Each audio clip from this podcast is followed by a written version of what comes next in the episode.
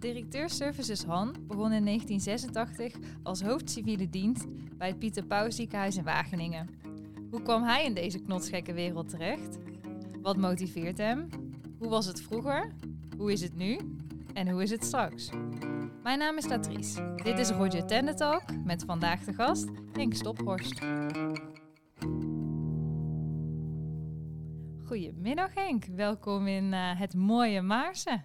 Goedemiddag, dankjewel. Ik ga maar eens even meteen in de, met de deur in huis vallen, zoals ze dat zo mooi noemen. Je bent in 1986 begonnen als hoofd civiele dienst. Wat moet ik me daarbij uh, bij voorstellen? Wat waren je werkzaamheden toen? Uh, nou, de civiele dienst, die, uh, dat was toen de naam wat tegenwoordig dan uh, het facilitair bedrijf of facility management heet. Dat was iets wat ooit was meegenomen vanuit de scheepvaart. Daar had je de technische dienst, de nautische dienst en de civiele dienst. Dus eigenlijk alles wat de, de burger aanging, hè, als, als, als de matrozen dus in, in nou ja, laten we zeggen, gewoon hun natje en een droogje moesten hebben. En omdat er veel hoofden civiele dienst in de tijd aan wal waren gekomen, hadden ze die term meegenomen. En daarom heette dat civiele dienst. Nou, ik heb niet gevaren, maar ik ben wel geconfronteerd geworden met die, met die dienst. En dat was toen, ja, wel een, een, een geuzetitel. Want ja, in mijn opleiding, ik heb eerst Academie Diedenoord gedaan en ben later in Wageningen nog blijven hangen. En heb daar bedrijfs- en consumentenwetenschappen gestudeerd. En ik weet uit die tijd dat ja, als je hoofd civiele dienst kon worden, ja, dan hoorde je erbij.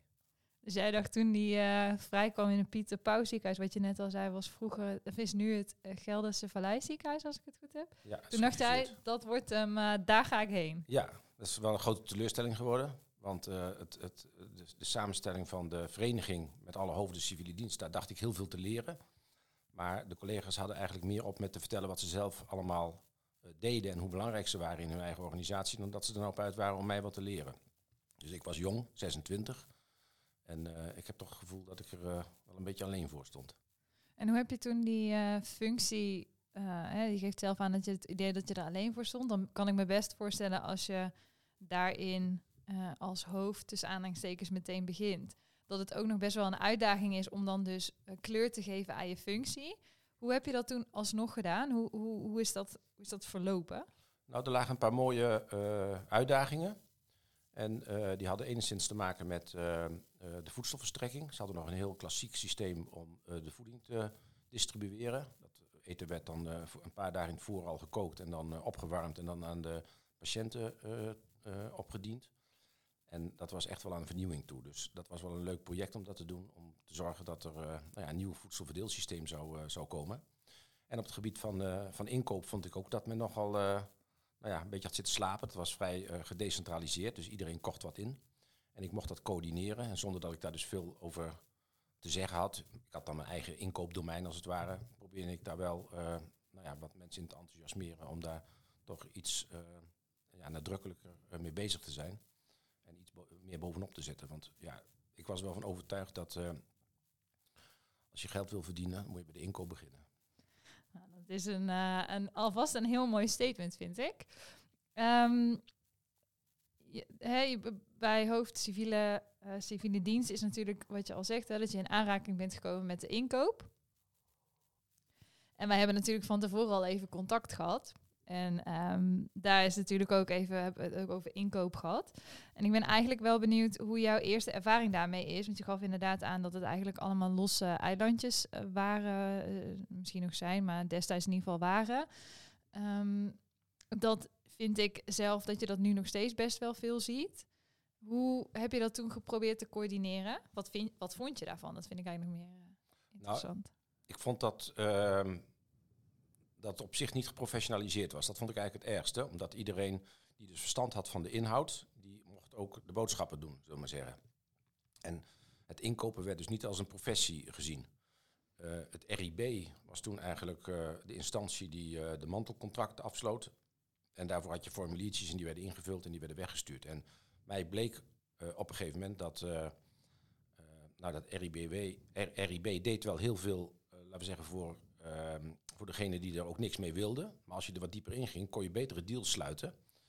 Uh, en uh, er werd te veel stilgestaan bij uh, uiteindelijk van nou, nou ja, de vraag meer over, om het product dan welk probleem erachter lag. Dus eigenlijk, als het ging om de stappen in de inkoop, vond ik dat specificaties heel erg werden overgeslagen. En dat men daar eigenlijk helemaal niet aan toe kwam. Omdat iedereen al wist wat hij moest hebben. De, de, de, de uh, verpleging wist wat hij moest hebben. De dokters die kwamen gewoon al vertellen bij welke leverancier we wat konden, konden halen. Uh, terwijl je eigenlijk, uh, ja, terwijl ik wel eens afvroeg van ja, maar wat is nou eigenlijk het achterliggende probleem wat we gaan oplossen hier? Ja, dus eigenlijk mist je in dat geval de klantvragen. Vaak zie je dat een inkoopproces begint met ja, wat is nou het probleem voordat we inderdaad met een oplossing komen van wat is nou echt het probleem. En daar zag je dus dat dat juist uh, ontbrak. Ja, terwijl ik denk dat juist de, de, de inkoop daarin uh, meerwaarde kan, uh, kan geven door goed door te vragen op wat het probleem is. En de meesten zijn al wezen shoppen, hebben al rondgelopen of hebben al vertegenwoordigers op bezoek gehad. En die weten al precies wat ze willen hebben. En dan kon je alleen nog maar bij het kruisje tekenen ja, vond ik een gemiste kans. Want je haalt spullen in huis misschien wel die je helemaal niet nodig hebt. Of waar er betere van zijn in de markt. Ja, wellicht betere deals inderdaad. Nou, toen kwam op een gegeven moment natuurlijk het aanbestedingsrecht. Ergens, uh, nou was toen ook al wel, maar natuurlijk later uh, wat meer. Dus we hebben nu, we hebben het even kort dus nu gehad over hoe is het vroeger. Nu ben je uh, directeur services bij de Han. Dan neem ik aan dat je nog steeds te maken hebt met inkoop, toch? Of is dat een kleiner deel van de Inkoop heeft eigenlijk altijd wel als een rode draad door mijn carrière gelopen. Omdat ik later ook in de Geldersverleid nog een tijdje heb gewerkt, waar we gingen nieuw bouwen. En uh, daar werd natuurlijk heel veel gedaan via de nieuwe aanbesteding. Maar ze nu en dan konden we wat dingen uittrekken. En daar konden we dan uh, binnen de afdeling inkoop, waar ik toen onder andere verantwoordelijk voor was, konden we zelf deals sluiten. Nou, dat was erg interessant. Ook een leuke, een leuke tijd, want dat ging tenminste om, dat ging om wat, hè. En je merkte heel gauw dat leveranciers het niet alleen belangrijk vonden om natuurlijk gewoon te leveren aan een ziekenhuis, maar vooral ook te leveren aan een nieuw ziekenhuis. En uh, ja, dat, dat, voordeel moet je eigenlijk meenemen in je, in je deal. Dat je uh, hele goede producten kunt krijgen voor hele schappelijke prijzen. Want het straalt natuurlijk ook af op die leverancier. Als je met je OK-lampen in een nieuw ziekenhuis hangt. Is toch anders dan wanneer je ergens nog in een oudbouw terecht moet. En ehm, dat heb ik dus eigenlijk altijd op afstand verantwoordelijk geweest voor, voor de inkoop. Ook in de andere functies die ik heb, heb gehad. Dus de, de, zeggen, in mijn carrière is dat eigenlijk altijd wel een rode draad geweest. Dat inkoop onderdeel was van mijn verantwoordelijkheidsgebied. Um, en als het gaat om het aanbestedingsrecht, de, de zorg hoefde niet Europees aan te besteden. ik vond dat aan de ene kant wel jammer, omdat daarmee de, ehm, eigenlijk de de invloed van de dokter bleef. Mm -hmm. En die zou je via zo'n veel objectiever traject beter uit kunnen sluiten. En dat hebben we wel proberen op te lossen om te kijken of als we deals zouden sluiten waarin vanuit de medische zorg ook goed werd meegewerkt, ook hen een voordeel te geven. Dus een soort win-win situatie. Uh, en dat ze dus de reisjes niet meer van de leverancier kregen, maar laten we zeggen van ons. Uh, en dat je uh, nou daardoor eigenlijk ook producten in huis haalt die voor de organisatie gewoon beter zijn. En veel objectiever meetbaar. Dus dat is eigenlijk uh, een lange tijd aan mij voorbij gegaan, dat Europees mhm. aanbesteden, mm -hmm. tot ik uh, inderdaad uh, bij de Hogeschool van Arnhem en Nijmegen terecht kwam. Want even voor onze leken, dat is natuurlijk een aanbestedende dienst, de HAN. Ja, de HAN is inderdaad aanbestedingsplichtig. Ehm, en ja, daar zat, zaten maar een paar mensen op de inkoop. En daar heb ik nou, het voordeel van inkoop heb ik eigenlijk altijd wel gezien. Er kwamen in de tijd van de gezondheidszorg met enige regelmaat overheidsmaatregelen die vanuit onderzoeken aantoonden dat er wat te halen viel.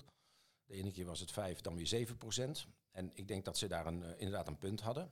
Uh, en uh, dan werd het de, de, budget eigenlijk al gekort en dan was het uh, veel plezier inkoop. Probeer de boodschappen maar wat, wat slimmer Succes. te doen. Ja, ja, dat was eigenlijk een beetje het credo. En ehm, ik zag dat dat dus eigenlijk bij de Han weliswaar veel professioneler moest, maar niet professioneler werd gedaan. Dus er werd heel veel uh, besteld, zeer decentraal. Iedere uh, academie, instituut en zo bestelde zelf. En haalde overal en nergens zijn, zijn spullen vandaan. Dus eigenlijk weer wat je zag bij um, Pieter Pauw ziekenhuis, hè? al die ja. losse eilandjes, dat was toen je bij de hand kwam eigenlijk mm, ja, vergelijkbaar. Ja, was ja, misschien nog wel erger. Ja, dus daar zat natuurlijk heel veel onrechtmatige spend in. Want ja, we hebben, er zijn natuurlijk regels voor waar we ons aan uh, hebben te houden. Dus daar, zat heel veel, was heel veel te winnen. Ja, natuurlijk ook schaalgrootte. Als, als iedere afdeling zijn potloodjes apart uh, inkoopt en je doet het voor de hele Ja. Hoges- bij wijze van, hè, als Ja. voorbeeld. Ja, dat klopt. Ja, ja en, en je weet natuurlijk nooit precies ehm, of je wel de beste deal daarmee eh, maakt. En, en wat daar verder natuurlijk voor een wereld nog, eh, nog achter zit.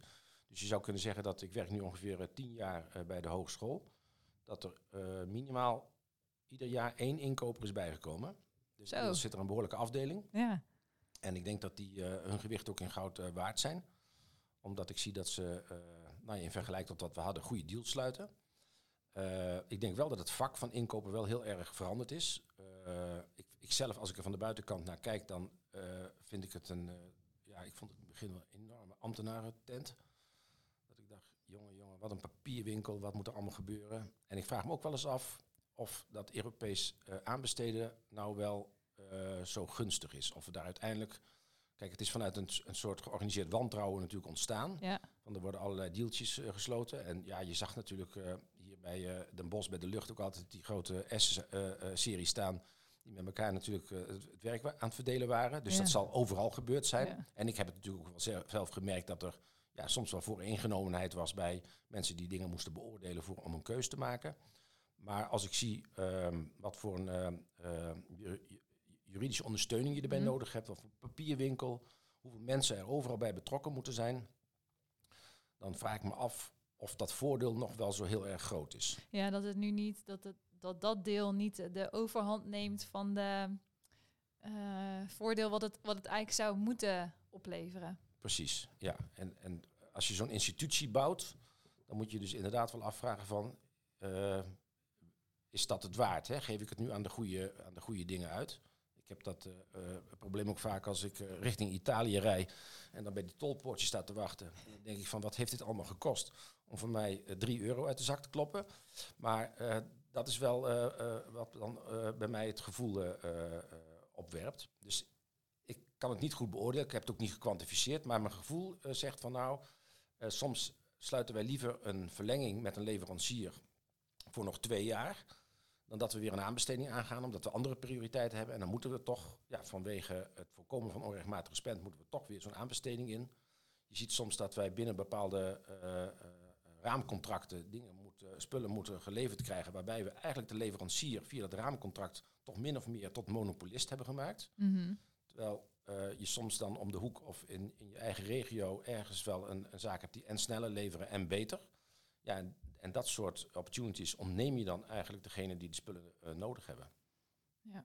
Dus daar sta ik nog wel eh, kritisch in. Daar zouden nog voordeeltjes te behalen ja, zijn. Ja, ja. En, eh, nou, ik ben nu tien jaar weg uit de zorg, dus ik had zo nu wel eens het gevoel dat ik dacht van ik zou gewoon nog eens een keer een dagje terug willen kijken hoe het, hoe het daar nu is. Kijk of er iets veranderd is in Ja, tien jaar. ja. En als je ehm, als hoofd ehm, services bij de Han, dan, of sorry, directeur, dan bestaat denk ik jouw werkpakket ook uit het eh, nou, misschien wel aansturen of begeleiden van bijvoorbeeld ook mensen die net eh, nieuw zijn. Ehm, hoe is jouw aanloop, zal ik maar zeggen, naar je directeursfunctie, om het even zo te beschrijven?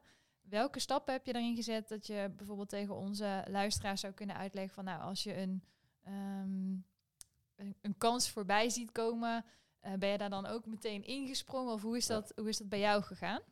Nou, ik eh, ben eigenlijk eh, eh, via de Gelderse Vallei in de, in de ziekenhuisbouw terechtgekomen. Dus op een gegeven moment ben ik ook, heb ik nog een tijdje voor mezelf gewerkt. Omdat ik dacht van ja, dit kunstje heb ik nu ergens gedaan, dat wil ik nog vaker doen. De laatste ziekenhuis wat ik heb gedaan is het uh, Knische Wilhelmina ziekenhuis. Daar wilden ze graag gaan bouwen. En nou een maand of twee heb ik een adviesrapport geschreven en ik heb gezegd, dat moet je niet doen, want jullie hebben er geen geld voor. Maar er waren een ho- hoop andere uitdagingen, dus kon ik het daar nog wel een paar eh, volhouden. Maar eh, het bouwregime veranderde, Mhm. het bouwcollege werd opgeheven. Dus eigenlijk mijn kracht lag in goede contacten bij het ministerie en het bouwcollege. En ik moet je zeggen, ja, dan moet je op een gegeven moment ook eieren voor je geld kiezen. En denken van, nou, als we voorlopig niet gaan bouwen, en ik had het graag nog een keer gedaan, dan eh, ga ik iets anders doen. Dan ga ik me verbreden. En toen kwam ik in contact met eh, nou ja, bureaus die wierven dan voor het onderwijs. En ben ik op die manier op het spoor gezet van de Hogeschool van Arnhem en Nijmegen. En ik kende de hogeschool enigszins, omdat ik een paar jaar daarvoor was gevraagd om eh, te helpen eh, wat lessen te geven in de propeduizenfase. Ah, Omdat alle eh, studenten die economie wilden gaan studeren, moesten de algemene propeduizen doen. En daar zaten ook vakken in als facility management en inkoop. En toen zeiden ze tegen mij van ja, zou jij dat niet willen geven? Ik zat toen in de curriculumcommissie. En toen was er een, een, een oud medestudent van me die daar werkte. En die zei, joh, wil je niet komen helpen daar? Want we hebben gewoon te weinig studenten om aan al die brede studenten Ja. dat vak te geven. Nou, dat was heel leuk, want daar kreeg ik dus eh, studenten die communicatiewetenschappen deden of eh, eh, business en small business en retail. En, nou, dus ik moest ze eerst uitleggen dat facility management echt geen ernstige ziekte was. en dat inkoop eigenlijk heel erg leuk was om, om te doen. En nou ja, zo ben ik eigenlijk, heb ik wat contact gemaakt met, met de hogeschool. En ik vond het eigenlijk heel erg leuk, omdat het, ja, het bruist, het leeft. eh, een heleboel jonge mensen bij elkaar. was erg interessant. Dus ik heb op enig moment eh, daar toch voor gekozen om daar te gaan werken, maar dan in een andere rol. En Mhm. het bestuur vond het zeker belangrijk dat ik ook mijn bijbaantje, zullen we maar zeggen, van docent zou aanhouden. Want ja, dan blijf je als het ware ook werken in je core business. hè? Ja, precies. Het echt met je, Ja. hè, wat, wat ze in de bouw noemen, volgens mij met de voeten in de klei. Of, Ja, ja, maar in de, in de gezondheidszorg was dat lastiger. Want ik denk dat als, als ik daar de OK was opgelopen en zeg van... joh, laat mij eens een blinde laat, ja, laat mij eens even helpen. Ja, dan denk ik niet dat ze me hadden toegelaten. Maar eh, hier kon dat blijkbaar. Dus ik heb eh, eh, hier eh, ehm, eh, die, die lessen ben ik blijven eh, verzorgen. En eh, ja, ik vond de, de breedte daar, want ik heb nu eh, eh, tien aandachtsgebieden. Dus Mhm. het, het gaat ook niet alleen maar over inkoop. Inkoop is er één, maar het gaat ook over vastgoed. Nou, daar heb ik dan ook nog wel een, een, een achtergrond in. En facility management, maar het gaat ook over studentzaken en onderwijsontwikkeling. Het, het, eh, het gaat over, nou ja, je kunt eigenlijk het hele brede spectrum van marketing en communicatie. Het zit er eh, eh, eigenlijk alle Dus bedrijfsvoeringstakken zitten erin. Ja, dus alle onderst- ondersteunende uh, Ja. afdelingen van het onderwijs, die vallen onder jou. Ja, het is Ja, een shared service center eigenlijk. Mhm. Waarin dus, nou ja, we houden de, de, de boekhouding bij. En wij zorgen voor, voor, het, HR, voor de, de- het aannemen van mensen. En, en, nou ja, alle HR-zaken, salarisadministratie en dergelijke. Nou, dat zit ja. En dan heb je natuurlijk in de functie die je nu bekleedt ook veel contact, hè, in ieder geval gehad, of, of in ieder geval ook eh, nog steeds met studenten en met, met jonge mensen. Ehm, ik vond net wel leuk dat je de, de, eh, uitlegde dat eh, facility management geen enge ziekte is. Nou, ik kan je vertellen dat we dat met aanbesteding volgens mij ook nog steeds wel eens horen. Van aanbesteding, ja, wat is dat dan? Ja. Ehm, als je, als er, we hebben dadelijk allemaal mensen die, ook jonge mensen die luisteren naar deze podcast. Ehm, hoe zou je eh, dat wat je nu doet bijvoorbeeld omschrijven eh, voor die mensen? Dus als zij willen worden wat jij doet, dus ook zo'n eh, ofwel een directeursfunctie ehm, voor die shared services, of ehm, ja, dus, dus breder op, opgeleid dan, dan de studie die zij volgen. Wat voor tips zou jij dan ze willen meegeven? Ja. Kijk, er zijn maar weinig opleidingen, omdat ik natuurlijk ook in zo'n hogeschoolverband werk, zie ik dat er maar weinig opleidingen zijn die echt heel gericht voor een bepaald profiel opleiden. Eh, en dat wordt ook eigenlijk steeds minder. Dus eh, wij leiden eigenlijk op voor beroepen die er mogelijk niet meer zijn als de student afstudeert. Ehm, dus als eh, student moet je vooral volgen wat je leuk vindt en waar je talenten liggen. En je zou daarbij, nu moet je nog steeds van die vaste paden kiezen. Ja. Nou, ik hoop dat op termijn we dat los kunnen laten en dat je als het ware je eigen pad eh, eh, kunt kiezen door de opleiding heen. Dat kon ik op de Wageningen Universiteit gelukkig wel. Ik heb een vrije studierichting gedaan. ja, als een soort van minuutje dat je kunt Ja. kiezen, oh, daar doe ik iets van en daar Ja. doe ik iets Eh, van. het enige wat ze in de gaten houden is dat je dus een bepaald niveau eh, eh, Mhm. daarin eh, eh, aanhoudt. Eh, en pas de keuzes zou je eh, moeten maken in het derde en vierde jaar. In, eh, als je een minor gaat doen, Mhm. dan ga je iets doen waar je hart ligt, wat je, wat je interessant vindt om te doen. En bij je afstuderen in het vierde jaar, ook daar kies je heel bewust van in welke branche of welk, ja, in welke beroepenveld wil ik graag terechtkomen, om daar vervolgens ook je keuze in te maken. Dat geeft je namelijk altijd een pre op het moment dat je een brief schrijft. En je kunt aantonen dat je zeker affiniteit hebt met die richting waar dat bedrijf dan eh, blijkbaar in, eh, eh, in werkt. Dus dat zou ik in ieder geval. Dus uiteindelijk is je, je eigen talenten en de belangstelling die je hebt, is belangrijker dan de studierichting Nou is het algemeen zo dat ik zie dat ehm, eh, de meeste meisjes die bij ons studeren, die hebben al vroeger in de gaten wat ze graag willen worden. Mhm. En ik zeg altijd, die jongens worden pas op hun 22e wakker. En dan zie je in één keer dat ze, nou dan, dan zijn ze heel gericht met, eh, eh, met hun carrière bezig. Want ja, dan zien ze natuurlijk dat anderen ook aan het werk gaan en dat er, dat er toch nog iets moet gebeuren na de studie en de kroeg. Dus ik denk dat dat in ieder geval belangrijk is. En verder, ehm, ja, het is geen racebaan, het is een loopbaan. Dus zorg dat je er iedere keer, ga niet te heigerig van de een naar de andere baan uh, uh, joppen. Probeer ook vooral ehm, nou ja, wat te leren. En dan echt die verdieping te zoeken of juist ook de verbreding in je nou, functies? Kijk, je, het is meestal zo dat je in het begin, je moet, je moet ergens van zijn. Mhm. Dus als je heel breed ergens start, dan, dan heb je nog niks. Dus ik denk dat het belangrijk is om eerst te verdiepen. Uh, je in een bepaalde branche of in een bepaald uh, vakgebied en daarna vooral uh, te verbreden. Althans, dat heeft mij heel erg geholpen, dat ik vooral van eigenlijk van, van heel veel dingen niks weet. maar wel een gesprekspartner kan zijn. Want op het moment dat je het weet, ga je namelijk de professional in de weg zitten. En je hebt die mensen niet voor niks aangenomen, dus die moet je ook hun werk laten doen, vind ik. En het enige wat je kunt doen is dat je, ja, je kunt uh, kritisch uh, bevragen. Hè, en en nou ja, als je er weinig verstand van hebt, dan kun je heel domme vragen stellen die soms bij de ander toch wel een lampje gaan doen branden. Waarvan dan een professional denkt, oh ja, misschien kunnen we het nog eens van die kant bekijken. Maar vooral niet je met de inhoud gaan bemoeien. Nee, want dat zie ik ook wel vaker, dat je toch wel ziet dat mensen het gewend zijn om het een bepaalde manier, of ja, een bepaalde manier te doen. En juist door inderdaad die, die vragen te stellen, oh ja, ja, we doen het eigenlijk altijd zo, maar is dat misschien wel de beste? Dus dat zou je ook aanraden voor nog studenten of, of jong professionals. Ja, want uh, op het moment dat je, dat je met een team werkt, Mhm. moet je vertrouwen hebben in je teamgenoten. Als je leiding gaat geven, moet je vertrouwen hebben in je team. En je moet ze dus eigenlijk altijd door dik en dun steunen. Als je vindt dat iemand wat minder functioneert, dan moet je dat moet je, laten we zeggen, dan moet je dat apart nemen. Maar altijd mensen weer kansen geven en vragen, wat kan ik doen om jou te helpen, om te verbeteren?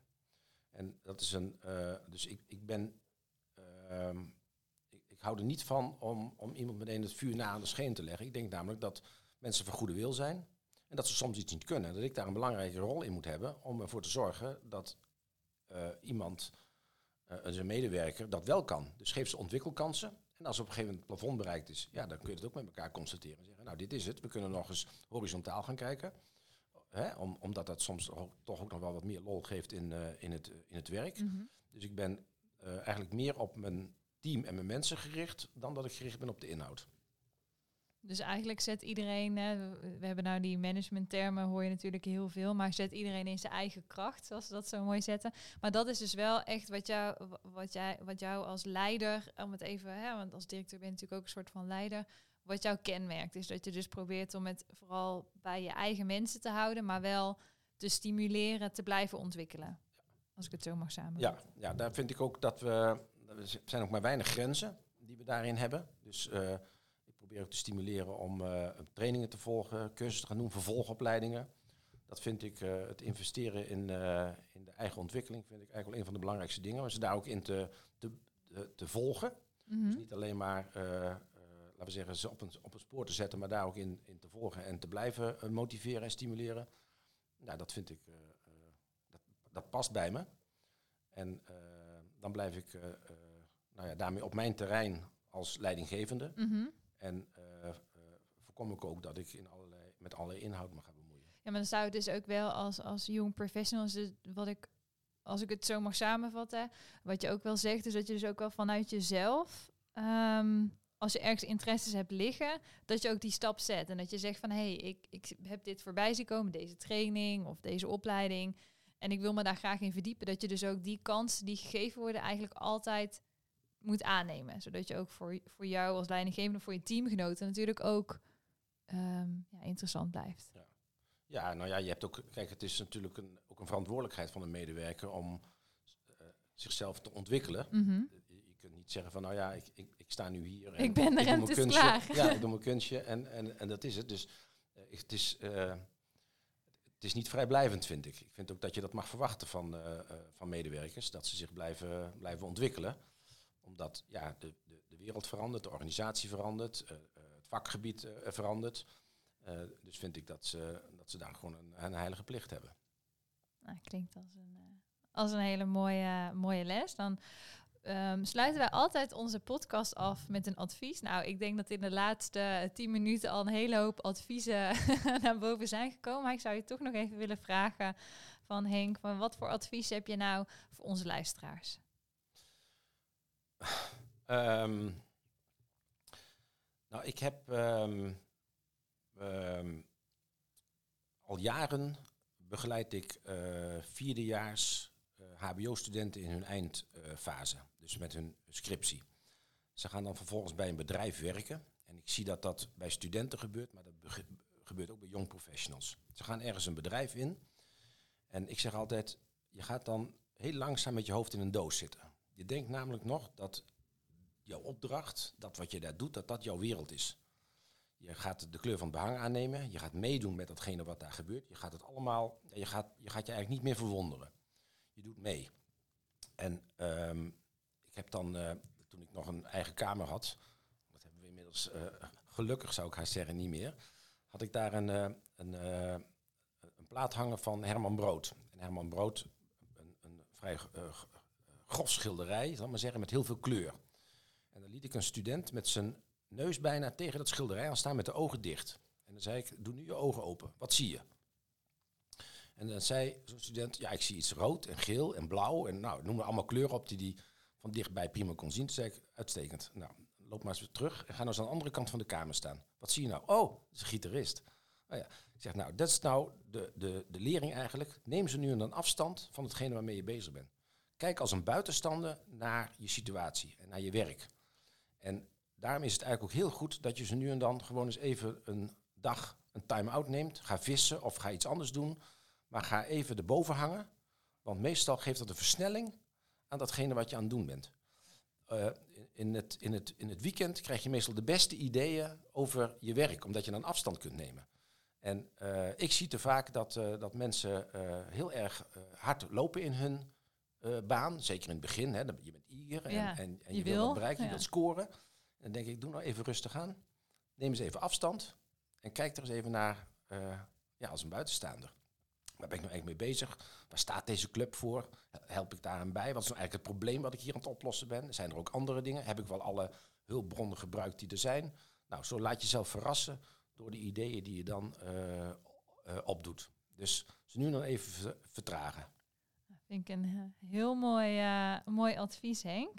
Dankjewel uh, voor dit advies. Hiermee sluiten wij vandaag de podcast af. Henk, ik wil jou echt hartelijk bedanken voor het leuke gesprek wat we hebben gevoerd. Nou, graag gedaan. Vond je deze podcast leuk? Abonneer je dan via Spotify. En volg onze LinkedIn-pagina om op de hoogte te blijven. Bedankt voor het luisteren naar Roger Talk. Tot de volgende keer.